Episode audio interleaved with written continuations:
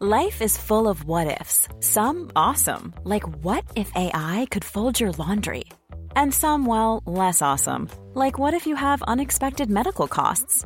United Healthcare can help get you covered with Health Protector Guard fixed indemnity insurance plans. They supplement your primary plan to help you manage out of pocket costs. No deductibles, no enrollment periods, and especially no more what ifs. Visit uh1.com to find the Health Protector Guard plan for you. When you make decisions for your company, you look for the no brainers. And if you have a lot of mailing to do, stamps.com is the ultimate no brainer. It streamlines your processes to make your business more efficient, which makes you less busy. Mail checks, invoices, legal documents, and everything you need to keep your business running with stamps.com. Seamlessly connect with every major marketplace and shopping cart. Schedule package pickups and see your cheapest and fastest shipping options from different carriers with rates up to 89% off USPS and UPS rates. And with the stamps.com mobile app, you can take care of mailing and shipping wherever you are. Make the same no-brainer decision as over 1 million other businesses with stamps.com. Sign up with code program for a 4-week trial plus free postage and a free digital scale. No long-term commitments or contracts. That's stamps.com. Code program.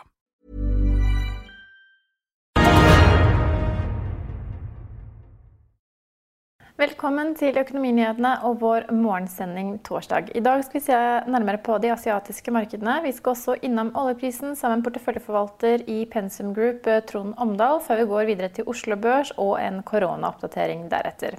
Vi tar først med oss USA-børsene. Det var god stemning på de amerikanske markedene onsdag. Dow Jones steg 2,2% Nasdaq steg 0,8% og SMP 500 steg 1,5% Og sistnevnte holder seg over 3000. How much stock do you put into these kinds of technicals? Because for a second day, we got above 3,000, we got above that 200 day moving average. Mm-hmm. This time we managed to hold on and close above that. How do you read into that? Well, it, it's almost as if everyone has become a, a technician, which then makes you wonder uh, the validity. But nonetheless, when you can close above these uh, resistance levels, because remember that 3,000 was resistance, and, and you can close above and if we can add to this, uh, what it suggests is that the market, the, the, the, trajectory of the market is positive, at least for the uh, short term. So that's something, uh, and the reason why so many have been focused on whether or not the market could close above 3,000. And so, yeah, we, we all abide by this because it's been hugging it for so long.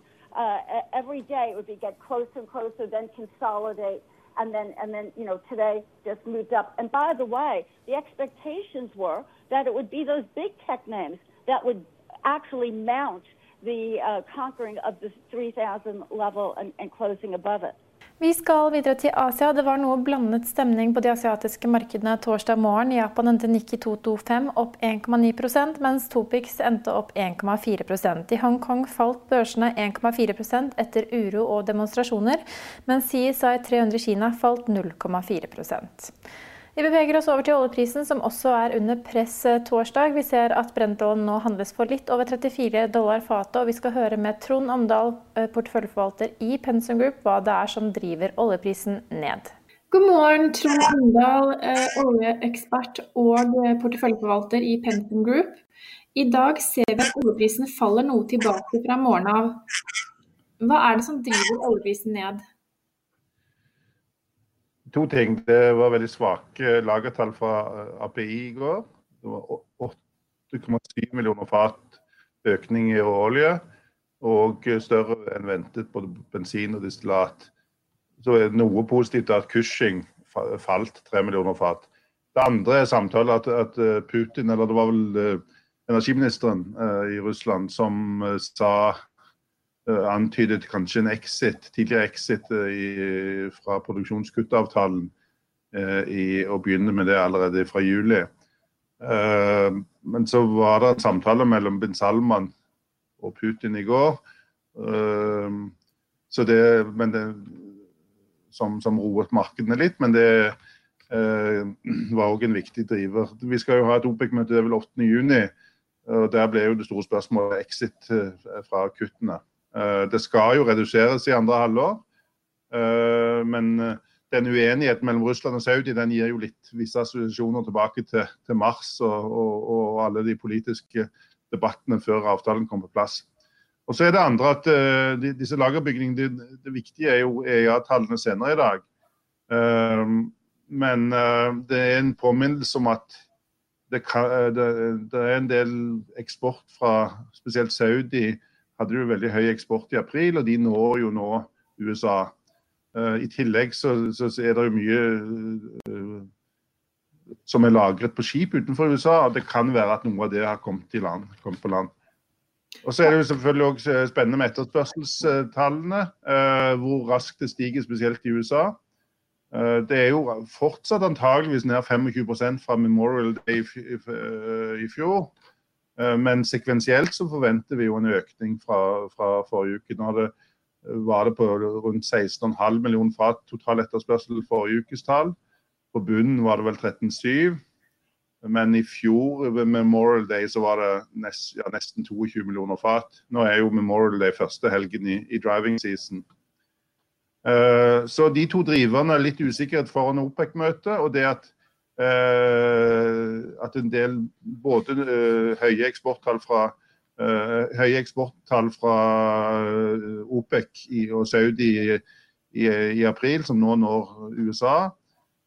Og så er det jo òg kommet på oljepriser. 30-35 dollar er jo der det begynner å lønne seg fra amerikanske produsenter å ferdigstille eksisterende brønner.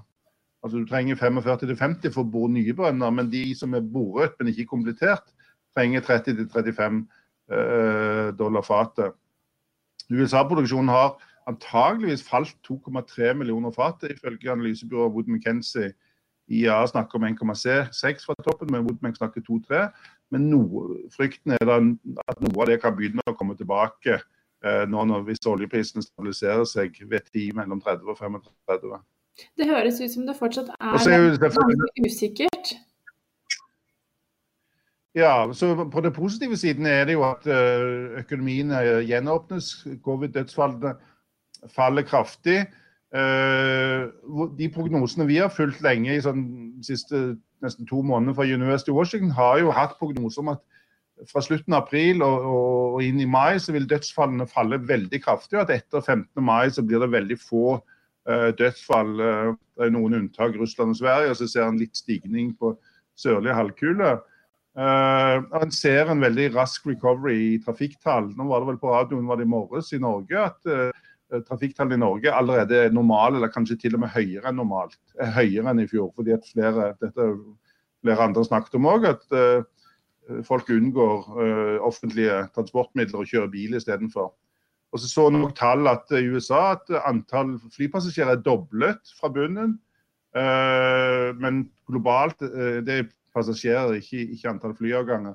Antall flyavganger er òg opp kraftig fra bunnen, men er fortsatt ned 45% Så flytrafikk vil jo ta lengre tid, men bensin og diesel ser en en veldig rask recovery.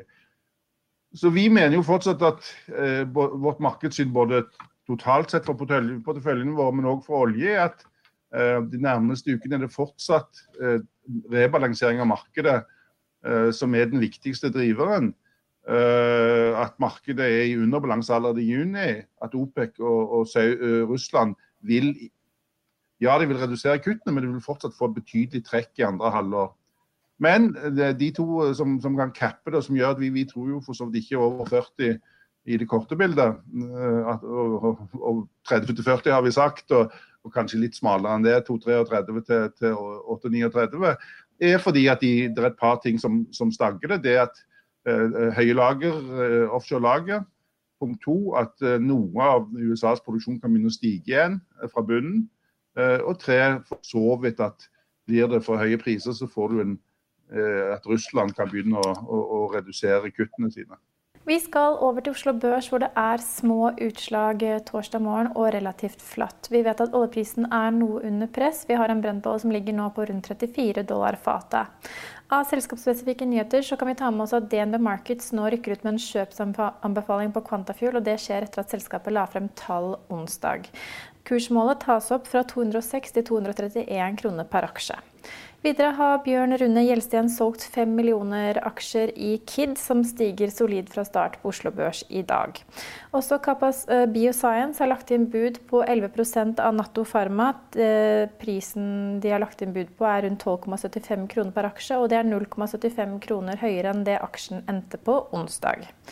Videre tar vi med at Norwegian tapte over 3 milliarder kroner i første kvartal. Driftsinntektene falt med 1,5 milliarder fra 8 milliarder i første kvartal 2019 til 6,5 milliarder kroner i første kvartal 2020.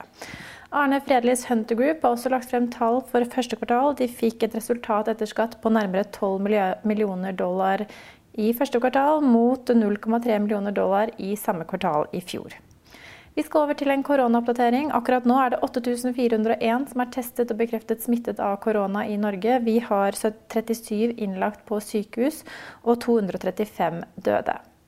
Vi minner om at vi er tilbake med vår ettermiddagssending klokken 15.30. Da har vi også med oss Trygve Hegnar i studio. I tillegg vil det bli et videointervju med uh, sjef i Pangea Property Partners, Bård Bjølgerud. Følg med på vår løpende nyhetsdekning på finansavisen.no, så er morgensendingen tilbake i morgen tidlig klokken ti. Økonominyhetene er en podkast fra Finansavisen. Programledere er Marius Lorentzen, Stein Ove Haugen og Benedikte Storm Bamvik. Produsenter er Lars Brenden Skram og Bashar Johar. Og ansvarlig redaktør er Trygve Hegnar.